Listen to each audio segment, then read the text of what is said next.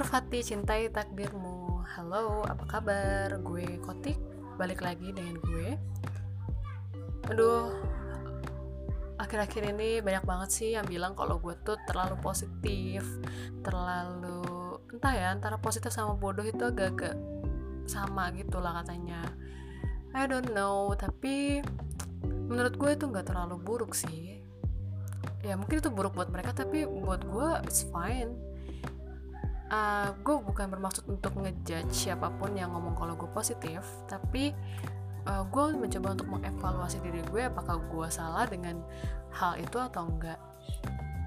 Dan menurut gue ini adalah salah satu dampak terbesar dari gue yang menyukai kata-kata Amor Fati ini like I'm Amor Fati cintai takdirmu. Gue selalu mikir cintai takdirmu cintai takdirmu. Love your fate. Dan itu mungkin kali ya yang mempengaruhi gue jadi bersikap positif.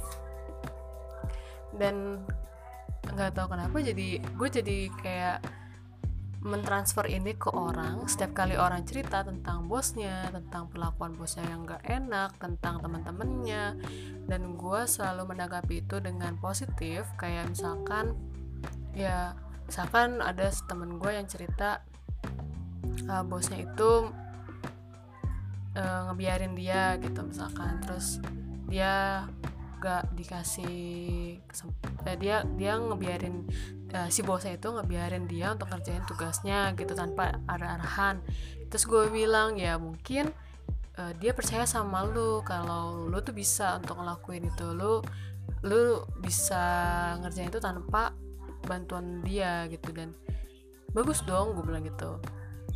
Dan dia langsung bilang positif banget sih lu positif amat sih. Nah itu uh, I don't know itu kesannya negatif atau enggak tapi kita harus kita harus pikir positif dong. Apa itu salah? Nah karena kenapa gue bilang kayak gitu? Kenapa respons gue kayak gitu? Ini teman-teman bisa bantuin gue kalau misalkan gue salah. Karena gue sendiri punya uh, keywords dalam hidup gue replace why is this happening to me? With what is this going to teach me? Coba ganti kata-kata coba ganti mindset lu. Kenapa semua ini terjadi sama lu dengan apa yang bakal dipelajari dari semua ini apa yang bakalan gue dapat dari semua ini gitu. Karena apa pun yang terjadi itu ada ada pelajarannya gitu. That's why gue selalu bilang ah mungkin ya memang ini dikasih eh, emang gue dikasih kayak gini karena gue bakalan dapetin ini gitu. Dapetin sesuatu dari sini gitu. So that's why gue selalu bilang kayak gitu dan mohon maaf aja kalau misalkan itu terkesannya sok positif. Sebenarnya gue ngerti banget sama kondisi-kondisi kalian kondisi-kondisi lu. Kalau misalkan lu tuh memang lagi down banget lu lagi sebel sama atasan lu lu lagi sebel sama teman-teman lu sama pacar lu. Kalau lu tuh selalu dianggap remeh lu selalu di di nggak di diprioritaskan mungkin atau lu ditinggalin lu diabaikan I don't care bukan I don't care I'm sorry. I I know I can relate juga kok sama hal-hal semua seperti itu gitu. Tapi uh, gak ada salahnya kan kita positif dulu gitu loh.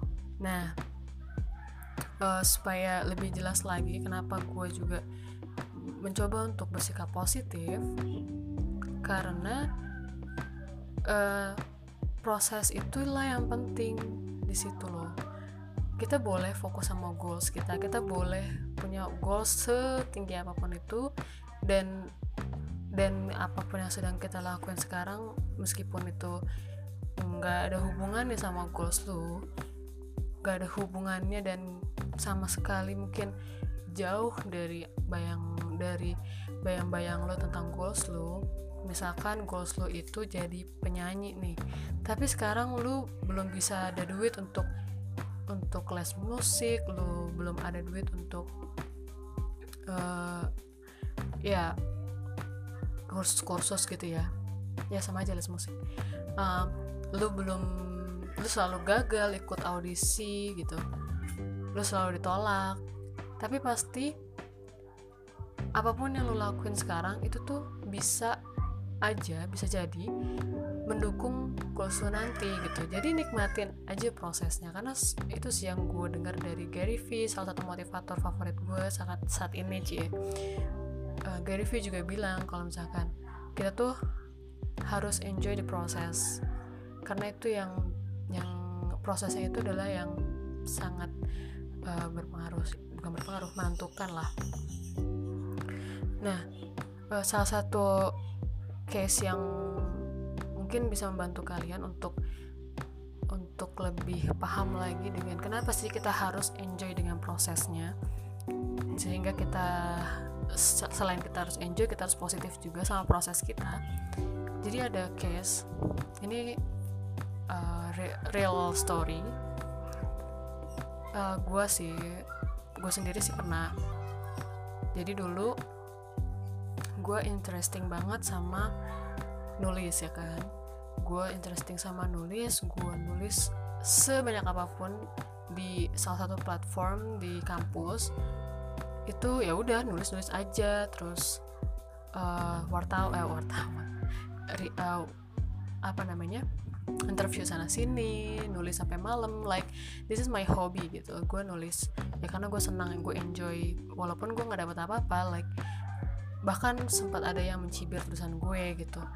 Tapi gue tetap enjoy aja.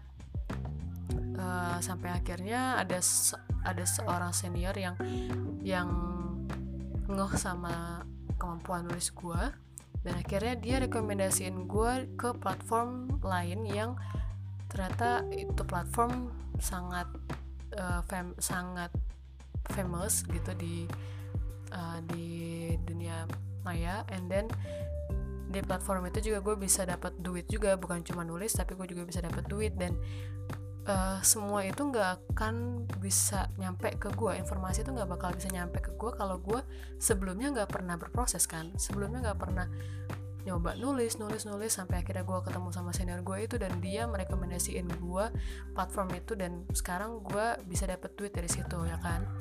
So prosesnya itu loh yang kita harus enjoy dan kita nggak pernah tahu kapan proses itu tuh akan berguna untuk kita.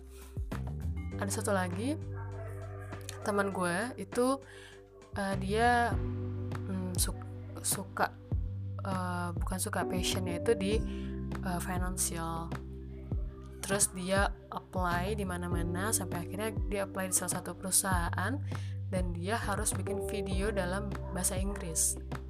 Ya dia uh, dengan gayanya yang ala-ala bos gitu kan direct direktur gitu si Ola ya.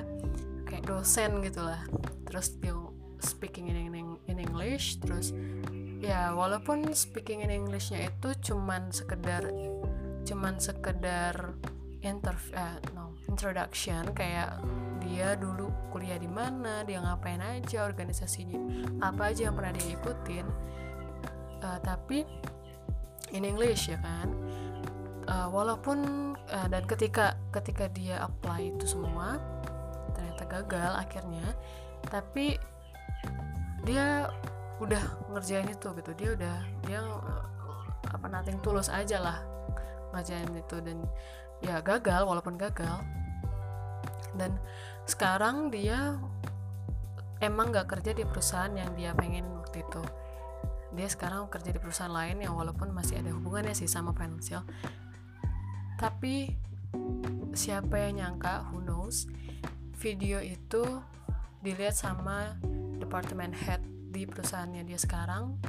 Dan itu yang bikin dia jadi uh, ter, uh, jadi dipandang orang kalau dia tuh smart karena dia introduction in, in English sementara yang lain belum tentu ada yang bisa kayak gitu gitu. Dan dan uh, dari video itu dia bisa dapat komplimen dari departemen head dia dapat komplimen dari uh, teman-temannya dari rekan kerjanya dan dia jadi lebih lebih bisa lebih diakuin lah di kantor gitu karena hanya karena sebuah video yang dulu itu gagal. Dan dulu dia nggak pernah ber, uh, membayangkan kalau video itu ternyata uh, bisa bikin dia seperti sekarang gitu. Dia nggak pernah ngebayangin kalau video itu ternyata bakalan ada yang muji kemampuan dia, dan kemampuan dia bisa diakuin gitu sama orang lain. Ya dari situ kita bisa dapat kan kalau kita itu nanti tulus aja sama apa pun yang kita kerjain sekarang. Nikmatin prosesnya bodoh amat sama orang-orang yang mikir kalau kita tuh bukan apa-apa. Kita ngelakuin hal yang shit banget. Kita belum jadi apa-apa. Apa yang kita lakuin tuh nggak ada gunanya. Like lu tuh lu tuh cuman ngerjain kayak ginian doang dan gaji lu tuh kegedean untuk ngerjain kayak gini like what the hell who are you gitu loh untuk ngomong kayak gitu. Jadi ya udahlah keep positive enjoy the process uh, don't don't uh, overthinking. Replace why is this happening to me with what is this going to teach me?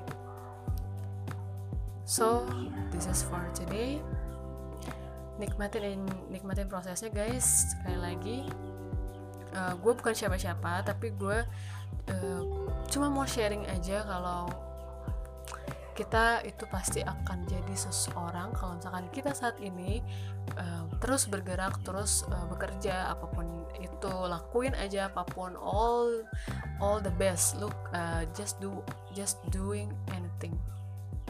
Okay thank you for today bye bye